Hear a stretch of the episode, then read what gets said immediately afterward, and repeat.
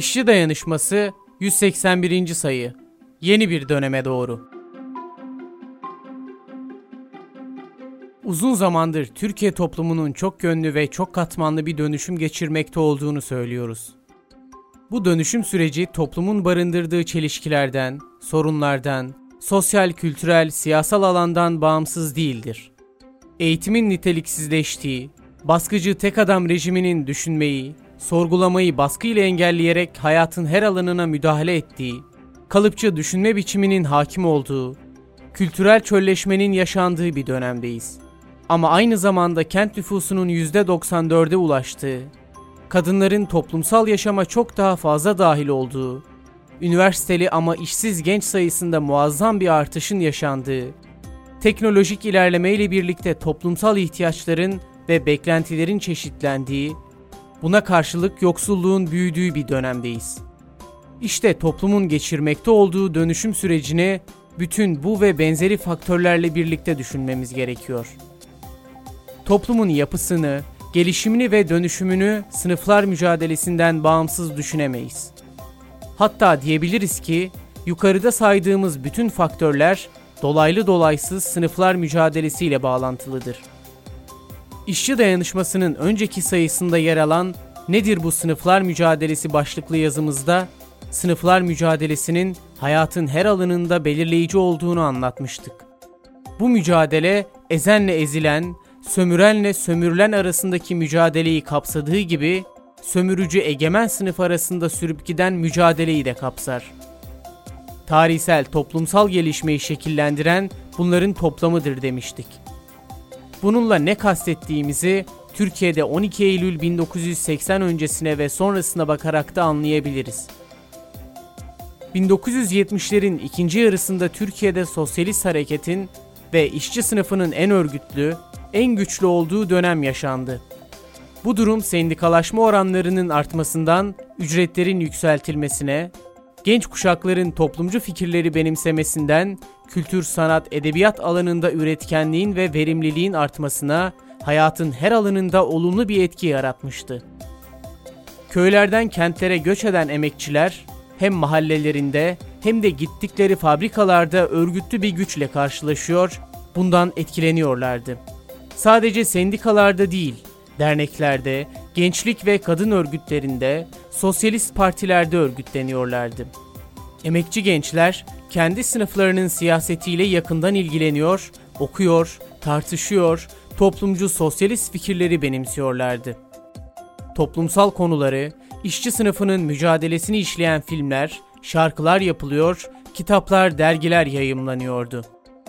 Düşünen, sorgulayan, toplumsal duyarlılığa sahip kuşaklar, verimli bir toprakta yetişen buğday başakları gibi bereketli bir kültürel gelişim içindeydi. Ne var ki işçi sınıfının örgütlü gücünden korkan sermaye sahipleri ve onların hizmetindeki ordu 12 Eylül 1980'de askeri faşist bir darbe yaptı. Tüm sendikalar, partiler, dernekler kapatıldı, kitaplar, filmler yasaklandı. Sosyalistler, öncü işçiler, sendikacılar, aydınlar, sanatçılar cezalandırıldı. Toplum baskı ve zorbalıkla korkutulup sindirildi. Egemenler sermaye devletinin otoritesine mutlak boyun eğen, sesini çıkartmayan kuşaklar yaratmak istediler. Bunun için geçmiş gelecek bağlantısını kopartarak toplumsal hafızaya ağır bir darbe vurdular. Darbeden sonra köyden kente nüfus akışı hızlandı. 90'larda toplumun %60'ı artık kentlerde yaşıyordu.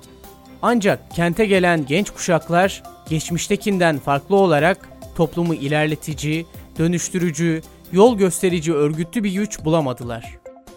Üniversitelere giden gençler toplumcu fikirlerin tehlikeli ve zararlı olduğuna inandırıldılar. Bir taraftan dönemin ruhuna uygun müziklerle, filmlerle, Brezilya dizileriyle toplum uyuşturulurken diğer taraftan bizzat devlet tarafından önü açılan tarikatlar emekçi mahallelerine yerleştiler. Böylece emekçiler sınıf kimliğinden uzaklaştırıldı, yerini dini kimlikler veya benzeri aidiyetler aldı. Demokratik ve ekonomik hak mücadelesi tırpanlandı, sosyalizm düşüncesi öcüleştirildi, toplumsal duyarlılık aptallık olarak damgalandı, bireycilik parlatıldı. İşçi sınıfının yeni kuşakları sınıflarından bir haber, bireyci ve apolitik olarak yetişti. İşte toplum bu durumdayken 2000'lerin başında AKP iktidara geldi. Dünyadaki teknolojik gelişmeler bu döneme denk geldiği için modern araçların kullanılmasının yarattığı konfor AKP iktidarı ile özdeşleştirildi. Devlet kaynaklarını kendi yandaşlarına aktarmak için inşaata ağırlık veren AKP, köprü ve yolları gelişmişlik olarak yutturdu. Fakat toplum gelişiyormuş gibi görünürken, özellikle zorba tek adam rejimiyle birlikte sosyal, kültürel, siyasal gerileme devam etti. Demokratik hakları yok eden rejim, kin ve nefret aşıladığı toplumun dokusunda bozulmalara yol açtı. Her alanda niteliksizleşme ve yozlaşma yaşandı. Devlet kurumlarının içi tamamen boşaltıldı, eğitim tepeden tırnağa niteliksizleşti, yapay kutuplaşmanın derinleştirilmesiyle kimlik aidiyetleri daha fazla öne çıktı. Gençler arasında uyuşturucu kullanımı ve depresyon arttı. Ancak unutmayalım ki her şey karşıtıyla birlikte vardır. Dönüşmekte olan toplum değişim istiyor. Tek adam rejiminin baskılarından, yarattığı yapay kutuplaşmadan, yoksullaşmadan bıkan milyonlarca emekçi değişim istiyor. İşçiler arasında sendikalaşma isteği, hak mücadelesi artıyor. Geçmişten farklı olarak emekçiler siyasete daha fazla ilgi duyuyor. Bilhassa depremden sonra sosyalist kimlik ve sosyalizm söylemi daha fazla meşruiyet ve itibar kazandı. Toplumun duyarlı hale gelmesi, demokratik hak ve özgürlük mücadelesinin, işçi sınıfının hak arama mücadelesinin güçlenmesi hiç kuşku yok ki toplumun sosyal, kültürel, siyasal niteliğini de arttıracaktır. Esasında 12 Eylül 1980 darbesiyle açılan, toplumu her açıdan çoraklaştıran, işçi sınıfı mücadelesini gerileten ve siyaseti düzen partilerinin kirli ilişkileri olarak sunan dönem bir şekilde kapanıyor. Bu noktada her alanda toplumun üzerine kara basan gibi çöken faşist rejimin son bulması, toplumdaki değişim dinamiklerinin daha fazla açığa çıkması bakımından tarihi bir dönüm noktası olacaktır.